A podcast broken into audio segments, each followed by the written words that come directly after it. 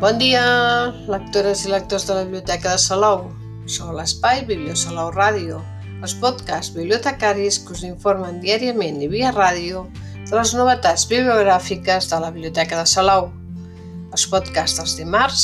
us parlaran del que podem trobar a les xarxes sobre una de les novetats de narrativa en català del proper mes de setembre. I avui, 3 d'agost, us presentem la novel·la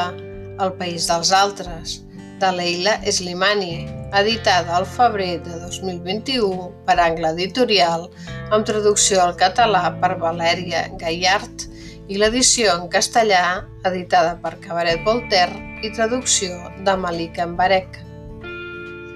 A la ressenya de la contraportada hi podeu llegir. El 1944, la Matilda, una jove alsaciana, s'enamora de l'Amin Belaix i un oficial marroquí que lluita a l'exèrcit francès. Acabada la Segona Guerra Mundial, la parella es trasllada a Meknès, a l'interior del Marroc. Mentre la Min s'escarrassa perquè una finca de terra pedregós comenci a donar fruit, la Matilda se sent més i més ofegada pels costums i el clima inclement del país.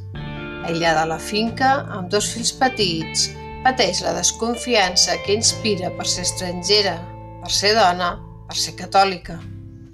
Al llarg dels 10 anys que abraça la novel·la, la tensió social i política anirà creixent subtilment, fins que el 1955 el Marroc està al caire de la independència. Així doncs, la novel·la és la història d'amor prohibit de la jove alsaciana Matilda, rossa, alta i d'ulls verds, que només començar la novel·la es casa amb un oficial àrab que va lluitar pel bàndol francès a la Segona Guerra Mundial, ample d'espatlles, petit d'alçada i de pell fosca, i que tot i les seves diferències de cultura i origen es traslladen a la ciutat marroquina de Meknès, una ciutat rural d'interior, aïllada i segregada en dues parts, la Medina per als àrabs i la ciutat moderna, grans avingudes i botigues luxoses per als colons blancs. La parella s'instal·la en una granja propietat de la família del marit, qui haurà de treballar una terra, una terra àrida i pedregosa, molt diferent del somni exòtic que s'havia imaginat la Matilda, que es veurà ofegada pel xoc cultural que la redueix a tenir cura d'una casa i dels fills, per la desconfiança que inspira com a estrangera i per la falta de recursos econòmics. Una, una novel·la que s'allarga 10 anys en el temps i que se centra sobretot en els sentiments de la Matilda, de desenamorament, decepció, ressentiment i resignació final, en el marc violent d'un Marroc dividit, en ebullició i a punt d'assolir la independència colonial. A part de conèixer la personalitat de la protagonista, s'hi retraten altres personatges femenins, la filla marginada de la Matilda, que observa i aprèn,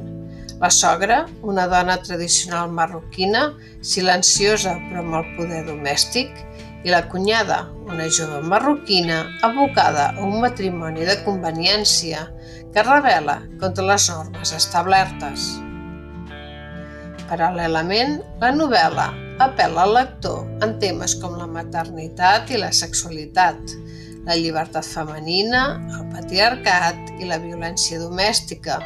el dolor i l'opressió de les dones, les barreres racials i de classe, els prejudicis i els, problemes, d'integració, l'homosexualitat, el nacionalisme i l'agitació social de la dècada dels anys 50, el conservadorisme actual i la societat tradicional la religió i l'islam. La novel·la està basada en la història dels avis materns de l'autora, l'àvia francesa d'Alsàcia, de caràcter i molt feminista, que parlava alemany i àrab, i un avi algerià que havia estat coronel de l'exèrcit colonial i presoner en un camp nazi, que convivien amb un oncle jueu protegit per la resistència francesa i una altra àvia de religió catòlica que havia visitat la Meca,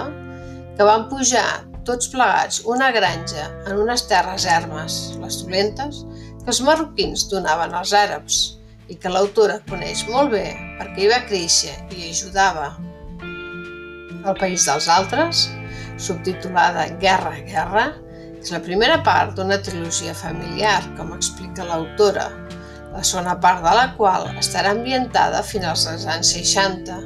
en els ambients de l'alta societat marroquina, moderna i d'esquerres, en contraposició amb els anys violents dels 70 per la repressió del rei Hassan II, volum que es publicarà al gener de l'any vinent a França. La tercera part estarà ambientada en l'auge de l'islam polític i el conservadorisme social en la generació de la migració a Europa o als Estats Units. La novel·la El peix dels altres ha estat molt ben rebuda per crítics i lectors. Ja va per la segona edició i ha obtingut el Premi Llibreter 2021 en la categoria d'altres literatures convocat i atorgat pel Gremi de Llibreters de Barcelona i Catalunya. Amb la seva novel·la anterior, Una dolça cançó, Slimani va triomfar a més de 50 països, èxit que li va valdre el reconeixement internacional i la va convertir en un dels noms amb més projecció de les lletres franceses. Podeu trobar amb dues darreres novel·les a la nostra biblioteca en català hi ha el catàleg del Sistema de Lectura Pública del Sistema de Lectura Públic de Catalunya i el catàleg Atena la resta de la seva obra narrativa i d'assaig, també en castellà i francès, i aquesta darrera, El País dels Altres, en format digital a lebiblio.cat. Què en sabem de l'autora? Leila Slimani va néixer a Rabat, al Marroc, el 1981, de pare marroquí, director de banca, i mare franco-algeriana, una de les primeres dones metgesses del país. Va fer els primers estudis al Liceu Francès de Rabat i als 18 anys va marxar a París, on va estudiar Ciències Polítiques i Periodisme, i aquí Macron va oferir al Ministeri de Cultura, que va rebutjar. Periodista i autora de diversos articles en els quals s'oposa fortament a l'islamisme i pels quals està amenaçada, va treballar a les revistes franceses L'Express i Jeune Afrique fins al 2012, any en què va deixar el món periodístic per dedicar-se completament a la literatura. Ha escrit dues novel·les anteriors, El jardí de l'ogre, de 2014, sobre una dona addicta al sexe, amb la qual es va guanyar la crítica i els lectors i una dolça cançó, un thriller qualificat per la, per la crítica com a excepcional, que està inspirat en el cas real d'una mainadera que va matar els nens que cuidava i amb la qual va guanyar el Premi Goncourt 2016, el premi literari més prestigiós de França. La podeu veure i escoltar en traducció simultània al web del Centre de Cultura Contemporània de Barcelona, en una conversa amb el periodista Emili Manzano del 7 d'abril de 2021, o també la podeu veure i escoltar en francès, subtitulat en castellà, l'entrevista que li va fer Casa Àfrica de Madrid pel seu canal de YouTube, estrenat el dia 13 de maig de 2021, entre d'altres entrevistes i gravacions.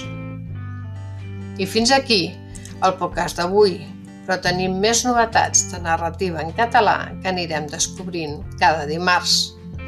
Que tingueu molt bon dia i molt bones lectures que us acompanyin en el dia a dia.